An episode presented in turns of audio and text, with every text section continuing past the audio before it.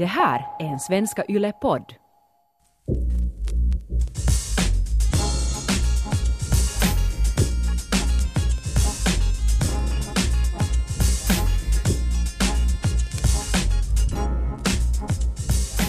Som en stor vän av symmetri är det ytterst tilltalande att vi har landat på avsnitt 33 av Ylesportens podd Koivukongas Vuojärvi den här måndagsmorgonen, förmiddagen när vi vandrar in detta program i ett grådaskigt Finland.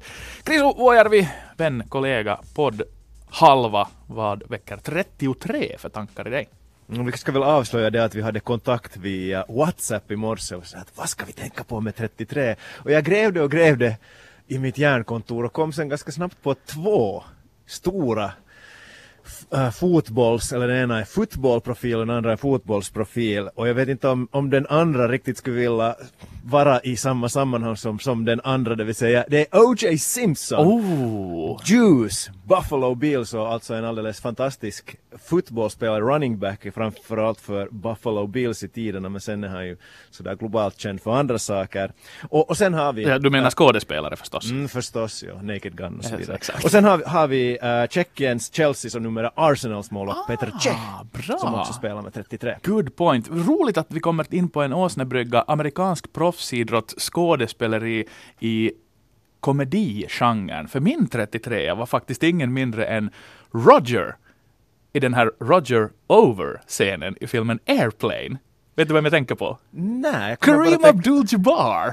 Ah, Spelade med okej. 33 och... Surely you must be kidding. Exakt, exakt. Det, finns, det finns så många fantastiska ingångar där. Men, men ganska bra trio. Cheh, O.J. Simpson och Kareem Abdul-Jabbar. Och det är bara måndag den här veckan. Men hej, tungt veckoslut Chris, och va? EHT. Men i positiva tecken. Du har refererat hockey hela helgen. Ja, framförallt, det- det såg jättehoppingivande ut. Eh, samtidigt ska vi nu inte slå på allt för stora strängar, men det, det som jag tycker att finsk ishockey och landslagshockey ska ta med sig från det här eh, Eurohockey Tour veckoslutet var det att, att de finländska ligaspelarna, de håller för måttet. De bästa finländska ligaspelarna är, är riktigt bra och kan mäta sig mot de bästa i, i KHL och i, i svenska hockeyligan. Och det var ju framförallt de unga finländska spelarna, det var nykomlingarna som glänste och det var ju roligt. Målvakten Veini Vehviläinen, Ville Leskinen, Arttu Ruotsalainen, Teemu Turunen och så vidare och Harry Pesonen har ju precis inte varit ett sådär som, som Nicke Aldén brukar kalla någon för household name i, i landslaget. Så att det, det, det var roligt på många sätt och, och 350 000 tittare på lördagens match på TV. Jag skulle våga gissa att, att säkert omkring en halv miljon bänkade sig för farsdagsklassikern Finland mot Sverige i, igår. Så att, så att på alla sätt helt okej veckoslut. Mm, ser kanske Jukka Jalonen-effekten där. Nej tack, bra veckoslut. äh,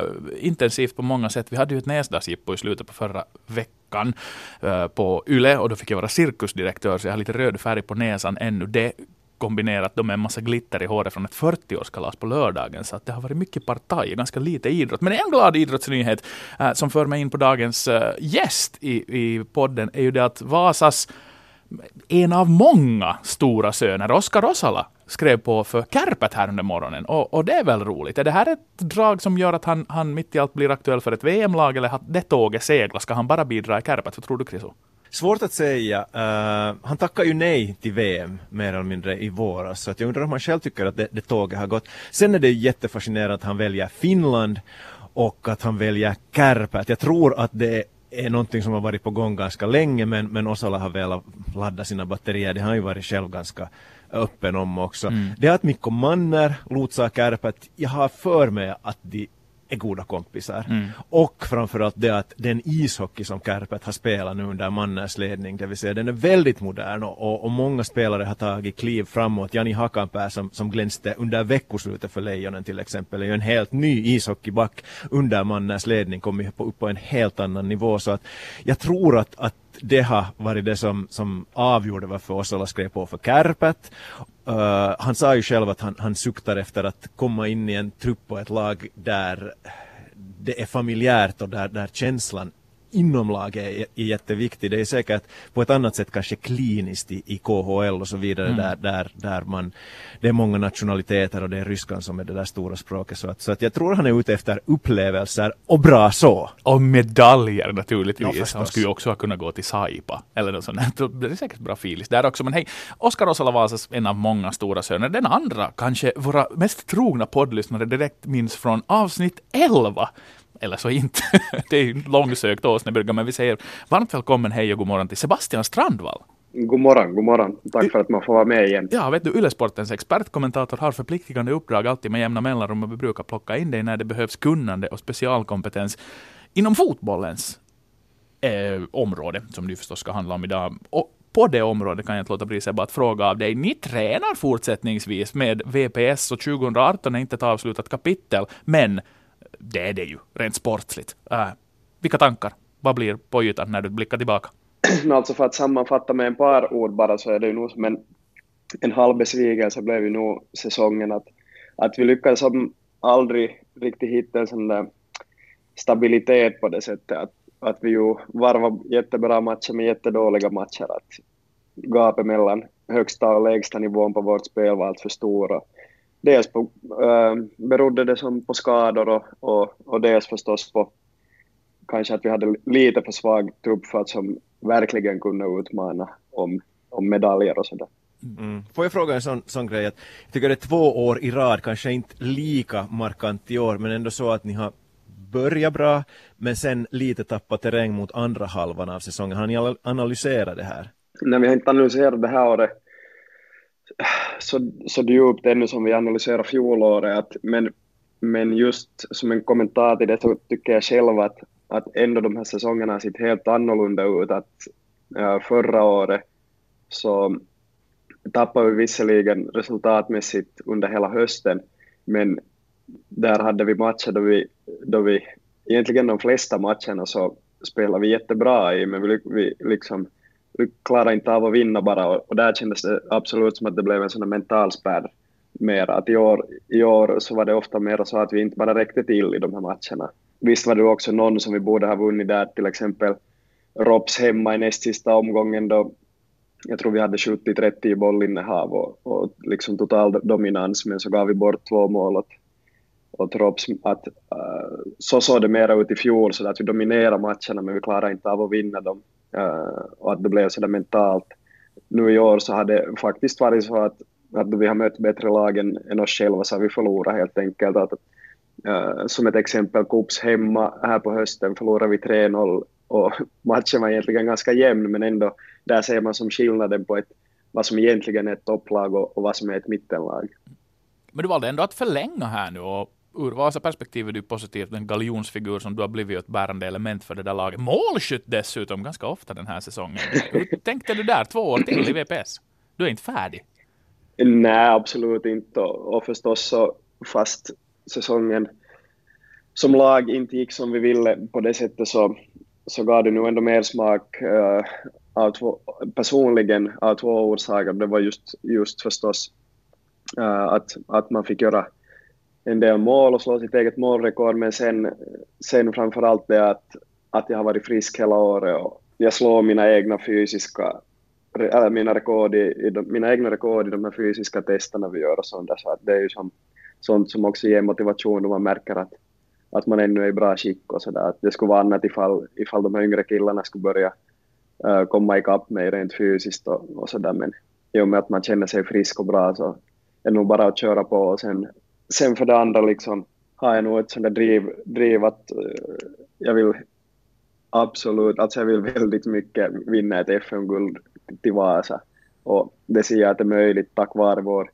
organisation och vårt tränarteam och, och allt sånt. Så att um, får vi bara ihop lagpusslet så, så tror jag absolut att vi kan utmana vem som helst i Finland.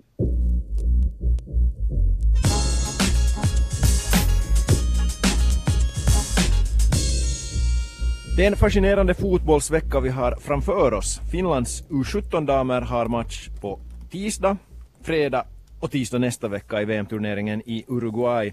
Alla de här matcherna sänds på bra sändningstid på Yles kanaler. Sen herrlandslaget, de spelar om gruppsegern i Nations League. Det är bortamatch mot Grekland på torsdag och mot Ungern på söndag. Antti, vi tar damerna först. Uh, va, vad skulle du säga att det är väntevärde inför det här U17-VM och då Finland i, i, i, fokus, eller Finland i, i första hand? Jag skulle säga det är hisnande högt. Uh, inte nog med att det, det sätt på vilket de tog sig till den här turneringen, det självförtroende som den här truppen utstrålar, också den lottning som Finland fick. Jag menar, jag kan ju inte säga att jag är, jag är en expert på hur flickfotbollen mår i Nya Zeeland. eller Ghana, eller Uruguay för den delen. Men jag är nu en expert på att, att dra förhastade slutsatser på basis av traditioner och, och år som gått och kan konstatera att det fanns betydligt svårare lag att hamna mot på pappret i den här turneringen. Där ju alltså världens 16 bästa lag deltar. Finland är ett av tre europeiska lag. Och så det sättet på vilket det här laget tog sig till turneringen, det sättet på hur de till exempel tacklar motgångar, som att kryssa mot Frankrike med en sån fantastisk juniorproduktion. Att, att, att det är ett bittert och ett surt resultat. Att slå Tyskland i en träningsmatch på vägen till den här turneringen. Jag förväntar mig stordåd av det här laget. Alltså framförallt avancemang för det första och sen kan vad som helst hända. För det, det har hänt någonting på flickfotbollssidan och, och det är inte det är inte liksom någon Harry Potter-faktor här. Det är ingen som har viftat med ett trollspö, utan jag hävdar att det är hårt och konsekvent och långsiktigt arbete som man har gjort för att bolstra flicksidan och faktiskt satsa resurser på det här. Och det ger resultat nu. Och mm. nu, nu är det liksom upp till bevis då på absolut bästa och högsta nivå. Och jag hoppas och tror att äh, de här matcherna kan locka tittarsiffror också på, på Yles kanaler nu när det är ur mitt perspektiv som fotbollskonnässör, vardagskvällar äh, vid bra sändningstid där när damm efter vardagen har lagt sig och man kan titta på fotboll. Så det förväntar jag mig faktiskt. Där ska det gå riktigt bra. Det, det, mm. Så tror jag. Jag, jag hoppas framförallt en sak. Jag har talat med experter, bland annat Jessica Lagerblom, så hon beskriver det här laget, och jag tror på henne, för hon, hon kan minsann sin dam och, och flickfotboll i Finland, att det här laget är ett väldigt bra och jämnt kollektiv. Men, men nästa steg skulle vara att där på något sätt skulle utkristalliseras en, två, tre superstjärnor som sen på sikt skulle kunna vara de där ledande spelarna i, i damlandslaget. Så, så det skulle vara min beställning för den här turneringen, att, att någon eller några av de här spelarna skulle ta ytterligare ett kliv och, och, och glänsa, vara bländande i den här turneringen. Men hej, om vi sen går över till Nations League. Mm, förutsättningarna för Hohkajat, för herrlandslaget, ser alltså ut som så att en poäng på de här två matcherna är nog för att Finland ska vinna gruppen. Finland möter Grekland, Finland möter Ungern på bortaplan. Och till och med en 1-3 förlust mot Grekland räcker. Men, men sen ska vi också komma ihåg att de två bästa lagen i zonen, det vill säga för Finlands del den här C-zonen, får hemmaplansfavör i semifinalskedet, så alla poäng är välkomna. Uh, om vi tacklar det här genom fyra påståenden, kanske lite provokativa sådana. Eh, påstående ett. Eh, Finland har inte testats på allvar sådär spelmässigt eh, under det här kvalet tills vidare. Uh, no, dels håller jag med, eller köper det påstående, men dels, dels inte. Jag tycker egentligen båda matcherna mot, mot Estland, framförallt i, i vad heter det, Estland på Alekok Stadium, så där var Estland dåliga. Um, I Åbo var de lite bättre. Men det där, samtidigt så tycker jag att, att man måste komma ihåg att Finland har spelat jätte, jättebra och liksom avväpna alla sina motståndare. Grekland var svaga i Tammerfors, men visst, men ändå liksom eh, det är alltid två lag som, som dansar där på planen och jag tycker att, att det är ändå Finland som på något sätt har klätt av sina motståndare på ett jättebra sätt Eh, och om man tittar på den här gruppen så det, inte det är ju Brasilien och Tyskland vi har mött utan, utan vi är ju faktiskt i, i en sån här citat sämre, sämre korg med, av, av uh, lag så att ja, på ett sätt har Finland testats men de har som stått upp, upp för det och för utmaningen så på ett så bra sätt så att det nästan har sett ut som de inte har testats.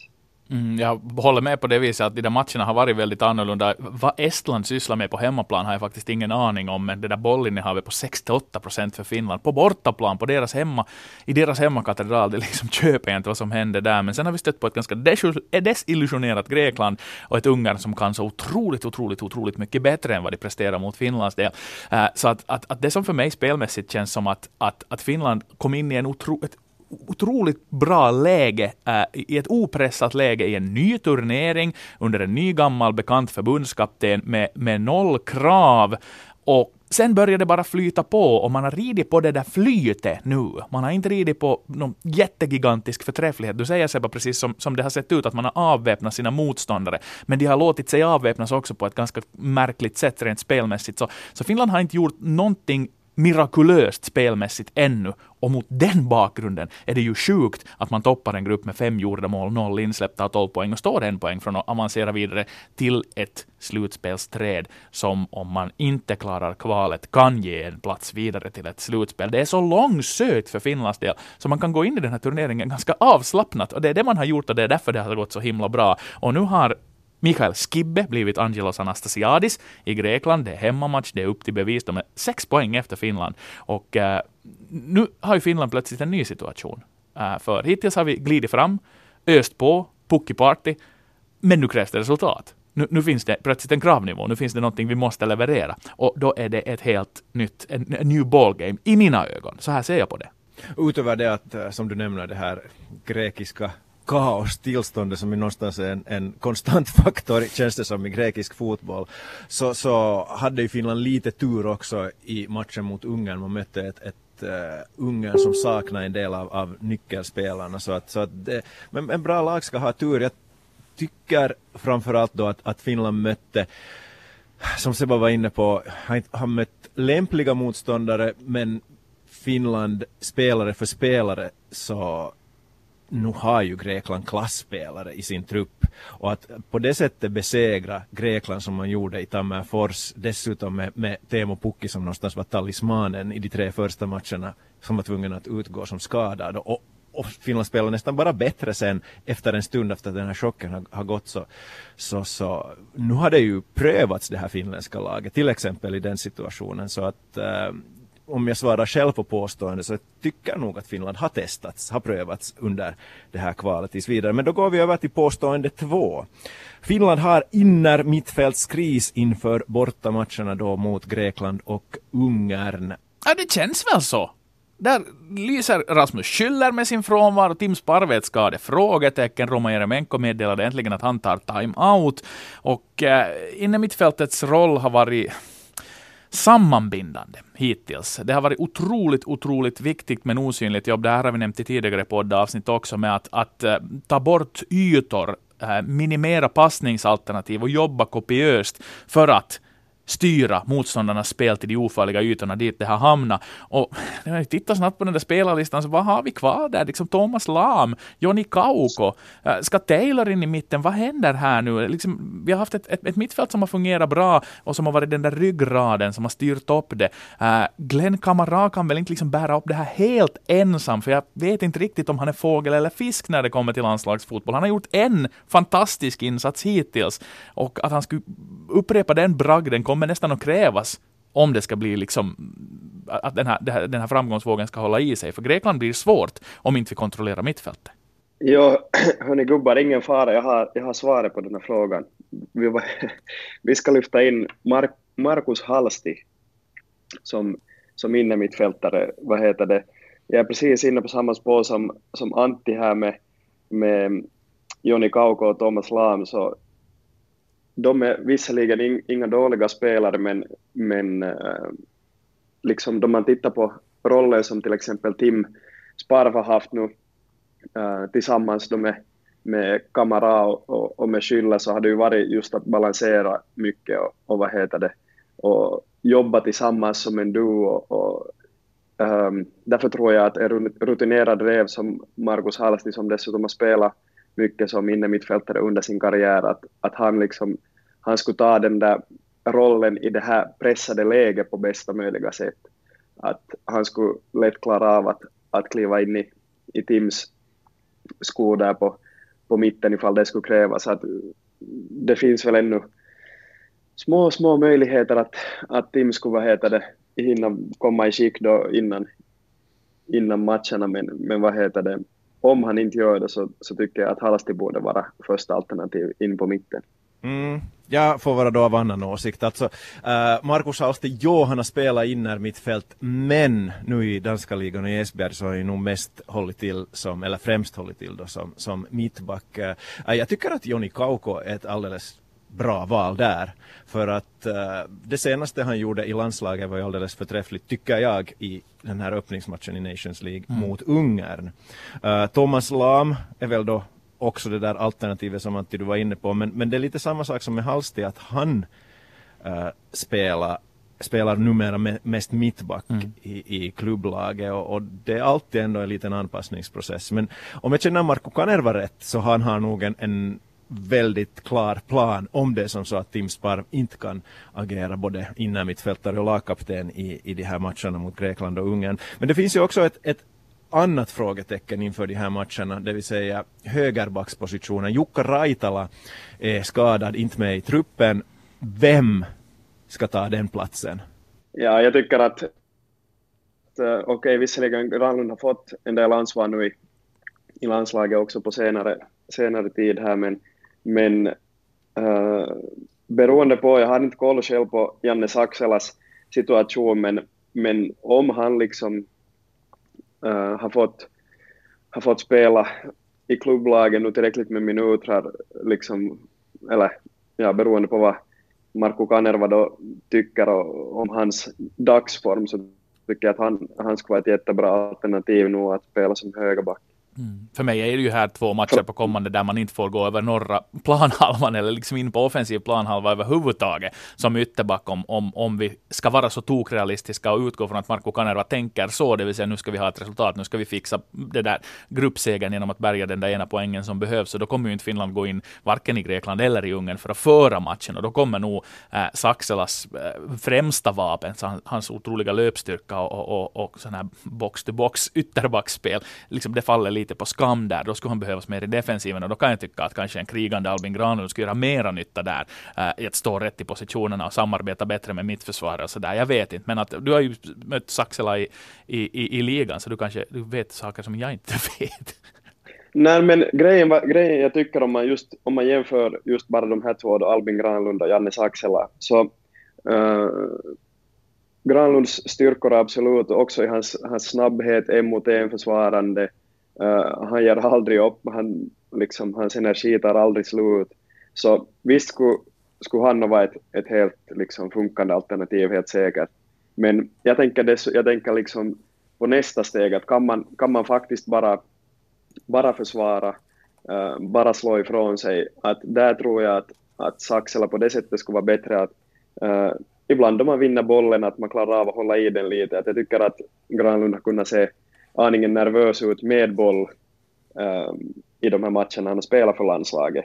Att där tycker jag att det är viktigt att man ändå har, har på det sättet en skicklig spelare som också klarar av att, att kanske hålla i bollen några sekunder och, och delta i, i perioder av bollinnehav. Så där, därför ser jag som mm. Saxela som ett bättre alternativ.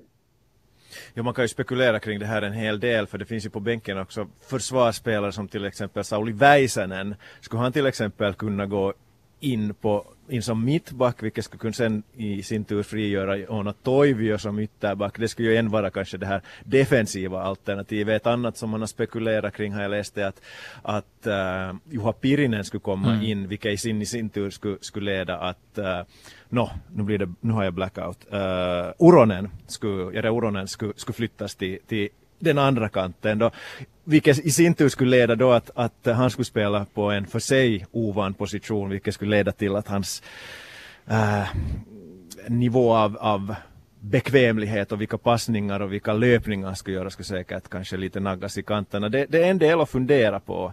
Uh, vad, vad, säger ni om det här med att, med att plocka in Väisänen? Är det en idé eller är det bäst att hålla de här pusselbitarna som har varit så lyckade, det vill säga Uronen, Toivio och Arajuri på de platser de har, har, har varit i fyra matcher? jag tycker åtminstone, om jag svarar kort här först, så tycker jag åtminstone att, att båda mittbackarna, Toivio och Arajuri, de borde absolut hållas kvar på sina platser. Att i så fall, om man vill, så tycker jag att man kan ta in Väisänen som högerback hellre än att man flyttar ut Toivio då i så fall. Att uh, de har funkat så pass bra, de vet vad de har varandra, samarbetet har funkat bra, Um, någonting som jag tycker att Toivio inte har varit så bra på förr i tiden, alltså, vilket han har utvecklat nu, just det där uh, samspelet med sin mittbackspartner.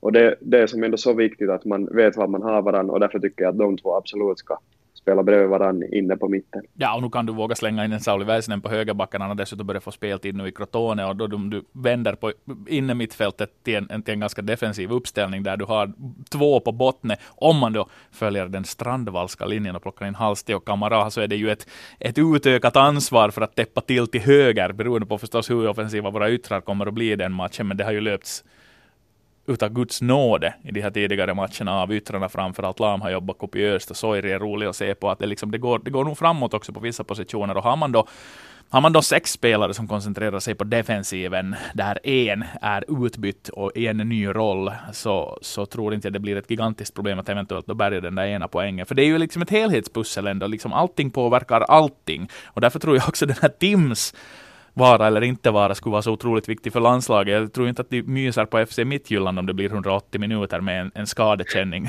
i kroppen. Så att det, här, det där är ju en balansgång. Jag, jag vet inte, men att, att det, finns, det finns frågetecken och därför ska det bli spännande att se var Kanerva landar när torsdagen kommer. Sebba, jag kan inte låta bli att, att ställa dig en, en fråga som inte anknyter nu till det här, men, utan till, till Marco Kanerva. Visst har du spelat någon landskamp eh, under hans, hans ledning, under hans session som förbundskapten? Inte som eh, förbundskapten, men däremot i de här U21, U23. Okay. Precis, då, och, då kan jag ställa och då har han varit med. Stämmer ryktet om att hans uh, taktikpalaver inför en match kan pågå långt över en timme? Absolut. Det, var helt, det tror jag alla som, som någonsin har varit med på en samling med, med Rive, vad heter det, kan underteckna att det, det är en sån här uh, allmänt allmänt känd fakta. Är det exceptionellt sådär att, att hur länge har ni taktikpalaver till exempel i, i Vepsu? No, nu, nu måste jag säga att nu har det nog skett en förändring också i VPS, att våra, våra, våra det här taktikpalaver kan nog också bli väldigt långdragna nu för tiden och, och de försöker, vårt tränarteam försöker som dela upp de här, att vi har lite innan träning och lite efter träning och, och så här. Men uh, men med, med River så kommer jag ihåg att redan liksom för 10-11 år sedan så var det ju var det på det sättet. Och då tyckte jag att det inte var hemskt vanligt, vanligt men att River har hållit på så här länge. Så att, så att vad heter det, ja men han samlar ju ändå folket i en palaver och killar videoband där fram och tillbaka. Var det inte Mikso Paatelainen som skickade en massa klipp åt folk och sa att kollar du extra på de här sakerna och ta och titta på de här sakerna inför vår samling. Och så hade inte spelarna tittat på dem. Det är liksom mm. nonchade. Och det är liksom, kan jag tycka lite respektlöst också sådär att om man nu, om man nu har en tränare som vill uppnå någonting och åstadkomma någonting och ger eh, spelaren det där egna ansvaret att hej, hej, det här borde du jobba på. Sen är man så såhär, äh, jag orkar inte. så, ja, det, det är ju egentligen om man, om man funderar på det, så det är ju helt liksom vansinne det. Att det är ju klart att om, om man spelar i finska landslaget och, och tränaren skickar videoklipp, det är ju klart att man måste titta på dem och liksom faktiskt ta in dem. Det, det är ju liksom det hör ju till yrkesstoltheten på något sätt. Mm, att ta till sig taktiska råd. Jag kan tycka att det är fantastiskt när spelare brukar bli inbytta ibland och du kanske kommer hem in med, med några tilläggsminuter kvar. Och så kommer någon ändå fram med en tavla åt dig, och liksom, eller någon mapp och plockar fram något papper och så kommer du ihåg det här gick vi igenom på den taktiska palavern. Hur mottaglig är man egentligen där då?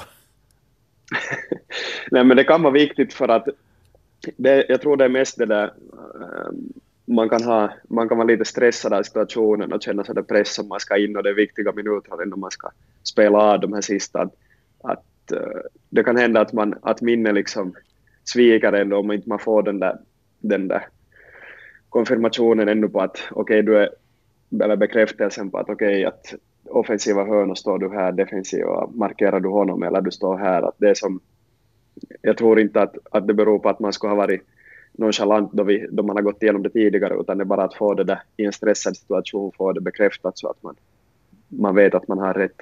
Mm. Ja, den här diskussionen börjar nu spåra ut, men, men jag kan inte låta bli att dra ännu en parallell för att uh, inför uh, OS-hockeyn i Turin 2006 så skickade den finländska landslagsledningen eh, då, hur retro låter inte det, eh, DVD-skivor till de finländska kommande OS-spelarna över då till, till Nordamerika, till de här NHL-spelarna. Men den lilla haken var att, att uh, det här TV-systemet är ju annorlunda i Nordamerika, vad det nu sen heter, PAL här. NTSC ja, och PAL.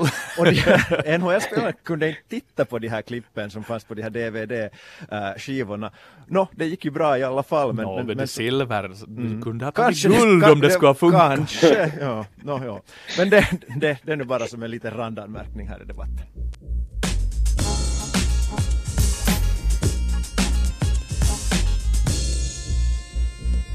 I andra halvlek fortsätter vi att tackla Nations League och det som komma skall en fin landslagsvecka på kommande med U17-VM för flickorna, men också herrarna i elden nu på väg att säkra en gruppseger.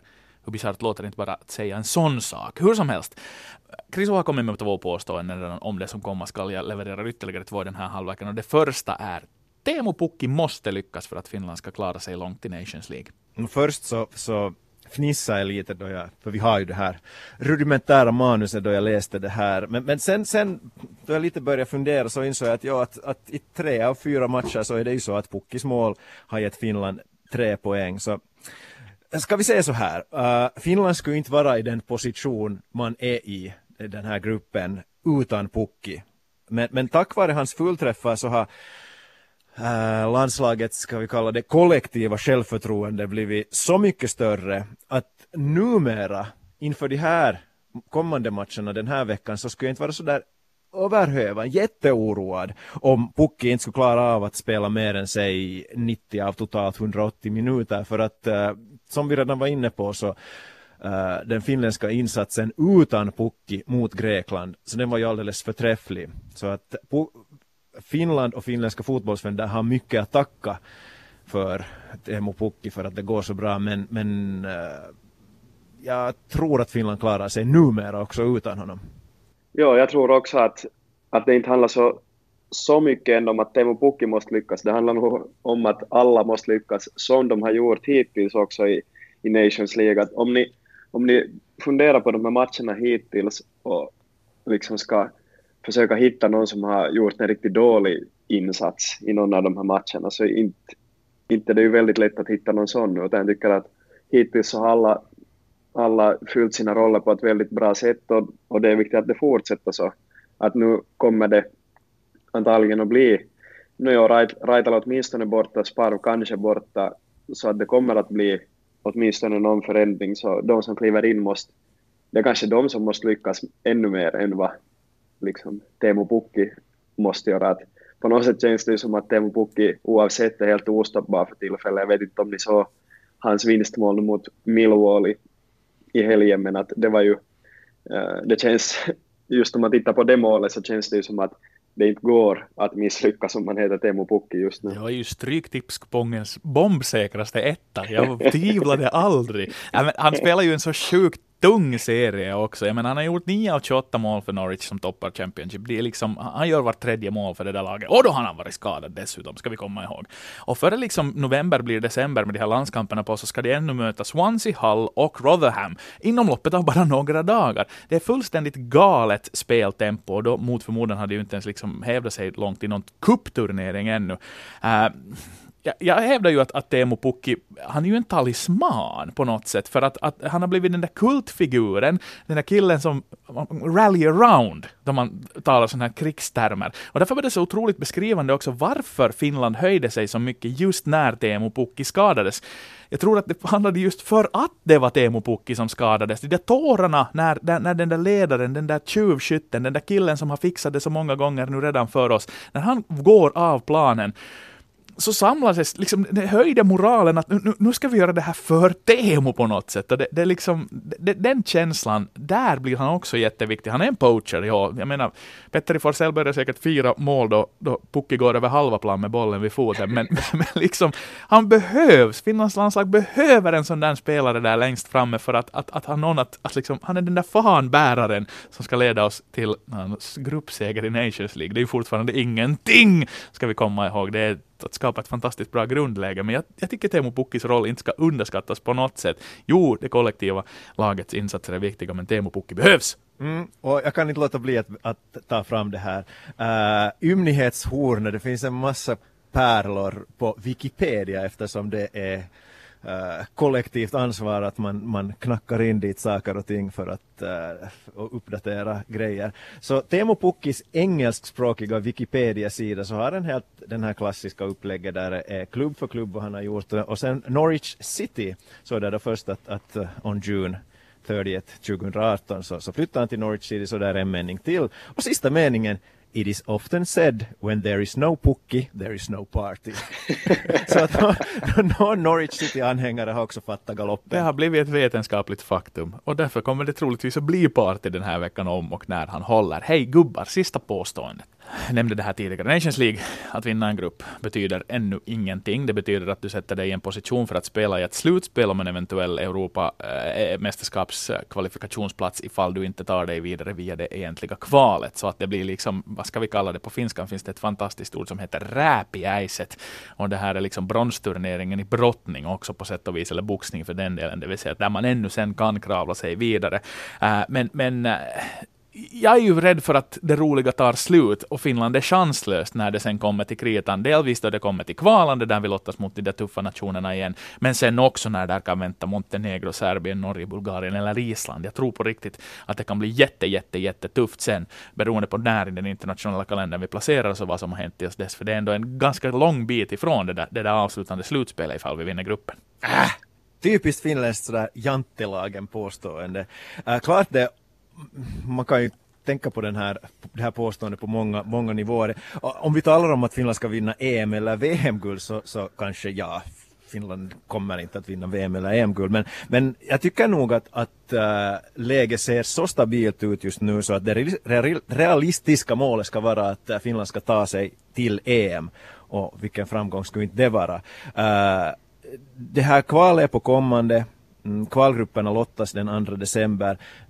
Antti, du insinuerar kring, om och kring det här att det är tuffa motståndare på kommande och där behöver jag trycka jag Finland lite tur. Uh, det är en viss skillnad om Finland möter från grupp e, eller korg 1 eh, Frankrike eller Belgien och om det kommer sen dessutom från, från korg 2 Polen eller om vi skulle hamna i samma grupp som säg Schweiz, ett bra fotbollsland bör sägas men, men det känns som att Finland skulle kunna ta bra poäng av Schweiz. Och sen från korg 2 till exempel Island som, som är på dekis. Så att uh, Hamrén-effekten.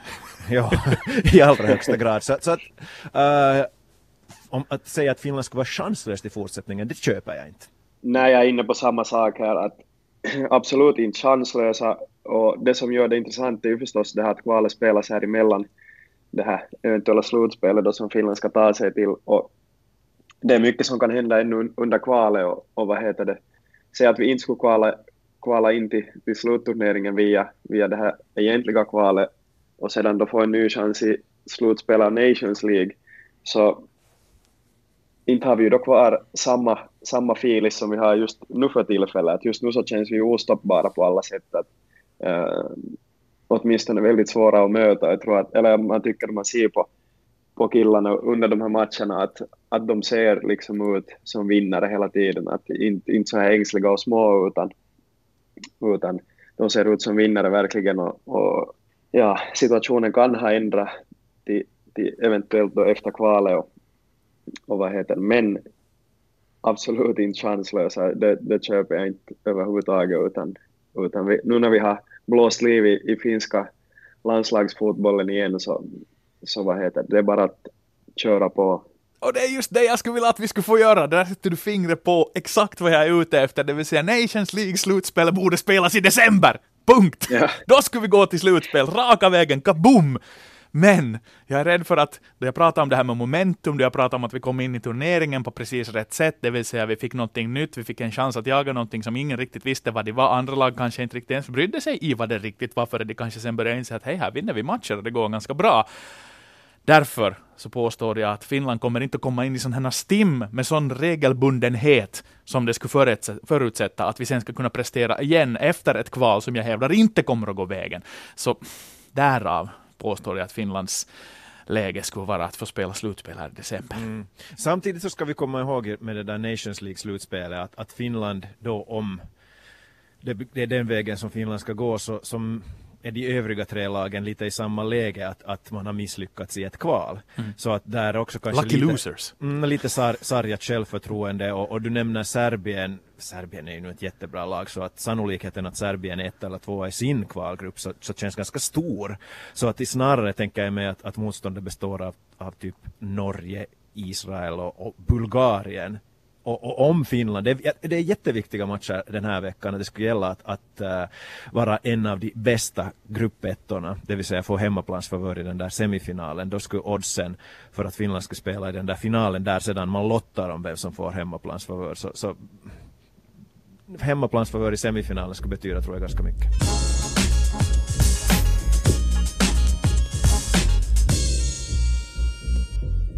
Tredje halvleken av Ylesportens podd avsnitt 33 avslutas för omväxlings skull igen med tre frågor. Bra så. Välkommen Seba, tack för att du you Ja. complete us. Yes. Uh, och Seba omnämnd, så du får ställa frågan först. Nyårsafton närmar sig så småningom. Jag har ingen aning om hur miljömedvetna ni två är just nu. Men om vi skulle avge varsitt nyårslöfte där vi ytterligare förbättrar vår mi- miljömedvetenhet, vad är ditt löfte? Med en sån där horisont i min tillvaro just nu på några dagar, ibland några timmar. Så kan jag, jag hörde där så nyårsafton! Inte ens första advent ännu, det är ju mycket på gången. Men bra fråga.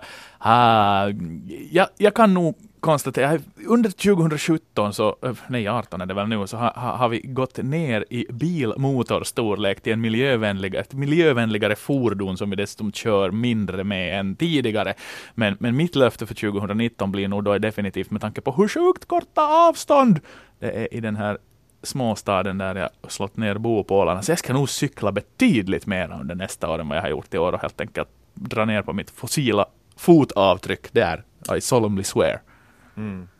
Jo, jag sällar mig till Antti och tycker att det här är en, en jättebra fråga. Det är en relevant fråga. Jag tycker att vi också i Yle Sportens podd mycket väl kan, kan lyfta upp det här. Och, uh, jag- funderar på det här en hel del och det är en sak som, som sticker ut i mitt och min familjs konsumtionsbeteende som, som jag skäms över och det är uh, mängden uh, matrester och som går rakt i avfall. Det är bröd som hinner torka, det är mat som bara blir i kylskåpet som sen ingen äter som, som efter två, tre dagar känns ganska mossig. Att, att här är en bättre framförhållning. Vad köper jag hem?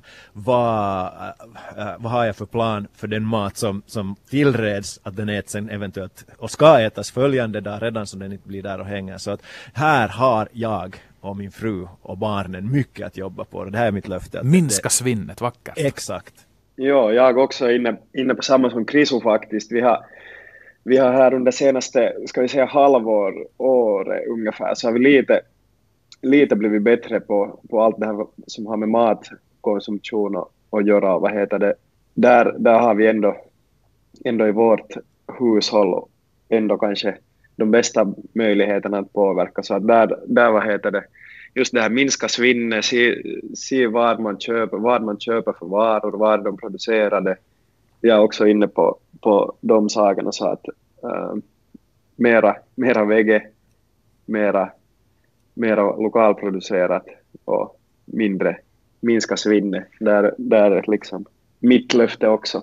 Vackert så, vi är på väg in i ett bra år. Med tanke på vad som Mm. komma skall om vi skärper oss allihopa kollektivt. Inte bara vi här i poddstudion utan ni också där ute som lyssnar. Eh, om jag då är djärv och går in med min fråga här emellan som nummer två i startfältet. eh, så eh, blev jag reflektera över, över, över ordklang och eh, skönhet i språk eftersom mina båda söner under den här förra veckan har fått eh, ha ordkonst på, på läsordningen, vilket jag tycker är jättefascinerande. De har haft sjukt roligt, det ska sägas. De har trivts med att leka med ord och få tillbaka en lekfullhet i språket. Det handlar inte bara om böjningar och bla bla bla.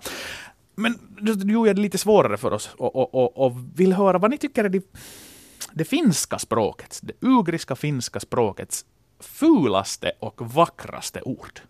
Man sätter ju alltid ord då man vet deras innebörd så, så har ju en viss betydelse också. Men, men för mig så, jag funderar en del och det, och det var inte lätt det här. Men, men äh, min farmor eller mommo som hon då kallades så, så talar jag finska med. Så hon hade i min barndom då jag då och då framförallt om somrarna övernattade där så hade hon ett, ett uttryck som jag hört ganska sällan sen dess. Och Då man, då man låg eller då man skulle gå och lägga sig så brukar hon säga att, att man pötköttelee eller att man pötköteller eller pötköttär.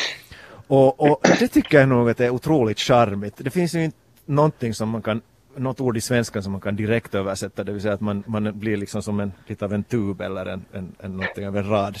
I, så att pötkötellä så har jag, jätte, har jag varma känslor för. Uh, det fulaste ordet så, det här diftongen ö, så tycker jag inte att det är jättevacker. Och sen en, dessutom då, då ordets innebörd inte är särdeles positiv så är Oh, faktiskt. Det, det, nu, nu då du säger det så det, det, är ju, det är ju nästan groteskt. jag fick fundera ett tag här, men, eller jag funderade då igår kväll då man fick de här frågorna, men, men eh, kom inte riktigt på något då direkt, men just nu här innan vi börjar banda så, så kom jag nog faktiskt ganska snabbt fram till mitt svar, eller mina svar på, de här, på den här frågan. Uh, det finaste, eller vackraste ordet på finska, uh, som är dels tycker jag har fint klang, och, eller ja, kanske främst det att det har fint klang, och så är det ganska så beskrivande också i många lägen, är välinpitämätön. Okej. Okay. Mm. Vilket då kanske närmast kan översättas till likgiltig. Mm. Uh, men, men jag tycker att det är så bra beskriv, eller ja, det är beskrivande i många, många lägen och så har det som ett sånt fint klang kanske med Och och N igen så att det välinpitämätön. Mm. Uh, sen det här fulaste, så det var ganska enkelt vilket typ av, av klang jag sökte mig till och sen hittade jag, kom, det, kom det då till mig det här finska ordet för mjältbrand, nämligen pernarutto. Yes! Är Syöpö och det- pernarutto. Det är ju bra, bra ord här. Ja, Märkliga ord som, som dök upp för mig och ett som, som jag, jag tilltalas på något sätt som, som, som jag faktiskt fastnade vid sist och slutligen. Ett av de vackraste orden att säga och liksom formulera för att det är mycket vokaler och långa vokaler i det finska språket. Så jag tycker om pudotuspeli-kaavio. Oj. Mm. Pudotuspeli-kaavio. Ja, jag är lite svag för det gamla uttrycket också inom ishockeyn, pakkopeli. Det har Oj. helt försvunnit, Faktiskt. så det borde, borde Ja, få en comeback. Ja, ja. Men det vackraste äh, är alltså slutspelsträdet, hur lagen formar sig. Och dessutom är det ett väntevärde, det är en spänning i luften när man tittar på en pudotuspeli-kaavio. Äh, men de fulaste orden, så, så jag, jag, jag, tärpätti Yes! är, är horribelt. Men sen ett, ett, ett special honorable mention går här till ett ord som jag använde som, som, som äh, voimasana äh, när barnen var små. Tills jag sist och slutligen måste kolla upp att säger jag faktiskt någonting fult? För jag tror min farsa använde i tiden ordet rotana, som ju rent sådär etymologiskt rimmar ganska nära till ett annat ord som man nu kan uttrycka i en svenska ylepodd om man pratar om språk och språket temat, det vill säga det låter lite som satana. Men, men rotana använde jag då för att, att om det var någonting som gick snett och sådär. Och sen i något skede frågade min sambo att vad är det du säger riktigt? Att, vet du? Så, så jag, "Ja, väntas nu. Men det är ju en fisk, Ja, visade sig sen. Så det var inte så farligt. men det är väl inte en sån där fisk som man vill ha på metspel? No, det är väl nog en ful fisk. Så att på det viset var ordet bra att använda. Så, så tärpätti och rotana, men rotana som kraftord, det har jag använt. Äh, Krisu, avrunda. Uh, ni har båda bjudit på frågor som har innehållit eh, ganska mycket djup och, och varit bra på, på många sätt, men, men någon av oss måste vara lite lättsammare och lite ytligare. Så, så min fråga är helt enkelt den att uh, vilken är den bästa TV-sitcomen, det vill säga komediserien genom tiderna? Ja, jag har tittat på, på många under åren. Jag också. Och, jag ja, som, som alla säkert har gjort. Uh, när jag var yngre så tyckte jag att den absolut bästa var Fresh Prince of Bel-Air. Oh. Uh, och den står som kvar som någon slags favorit. Men jag måste säga att min alla tiders favorit är en av de här nyare, alltså Modern Family. Uh, det finns inte många komedifilmer eller serier som jag märker att jag liksom börjar skratta högt till. Men Modern Family är en sån och jag tycker att de skiljer, skiljer liksom samtiden på ett så bra sätt och, och vad heter det. Just som också titeln på serien säger Modern Family så är, det, är, de, är de just ofta i samklang med, med samtiden. Så, att, så att det är min absoluta favorit. Bra svar, bra svar. Jag är ju en britcom-vän. Alltså sitcoms som är britcom är, är, är det som tilltalar mig mycket. Allting från, ända från Monty Python via Keeping Up Appearances till många andra gästministrar, what, what not. Men jag som historiker måste ju lyfta fram här den alla tiders bästa sitcomen som finns. Den enda som jag har samlat på mig alla avsnitt på DVD, om vi nu ska återkoppla till det fantastiska formatet som knappast går att använda längre. Men Allå, allå, hemliga armén med kaféägaren René i Nuvion under nazisternas ockupation eh, får mig att nästan kissa ner mig av skratt fortfarande, fast jag ser avsnitten på nytt. Jag väl också väldigt länge mellan två alternativ. Om vi tar det där äldre alternativet så är det nog Seinfeld, en, en riktig klassiker. Men det som jag tycker är intressant med att, att om man ser de här avsnitten i repris, de där, de där, de där skämten är fortfarande relevanta och, och de känns fräscha och de är roliga. Vilket man inte kan säga om, om alla tv-serier. De har liksom naggats och tidens tand har bitit på dem ganska rejält. Men kanske ändå min favorit på grund av att den är så finurligt skriven, Arrested Development, framförallt de tre första säsongerna. Sen eh, producerades det nyligen två säsonger för Netflix, de är inte kanske riktigt lika bra, men tre första säsongerna av Arrested Development, en, en familj som eh, är fullständigt i oharmoni med varandra och, och, och, och det är så absurt ibland men det är bara roligt och bra. Cool. Vi börjar någonstans med O.J. Simpson och Kareem Abdul-Jabbar i roliga filmer och vi landar på samma ställe, det vill säga i komedi. Uh, huruvida den här podden var en tragedi, eller en komedi, ett drama eller ett, ett, ett hörspel, det kan ni gärna kommentera. Ta till exempel ett e-post till svenskasporten.fi eller längst ner i den artikel som ni hittar på Svenska Yles webbplats. Själva podden, Chris, hittar man ju på mm, uh, Arenan förstås, och iTunes och Spotify. Och tack Sebba för att du var med. Och lycka till tack med den där FM-guldjakten FM under de kommande två åren i VPS. Ja, tack. Jag ska springa iväg på träning här nu och, och jobba för, för det målet. Det här är en Svenska Yle-podd.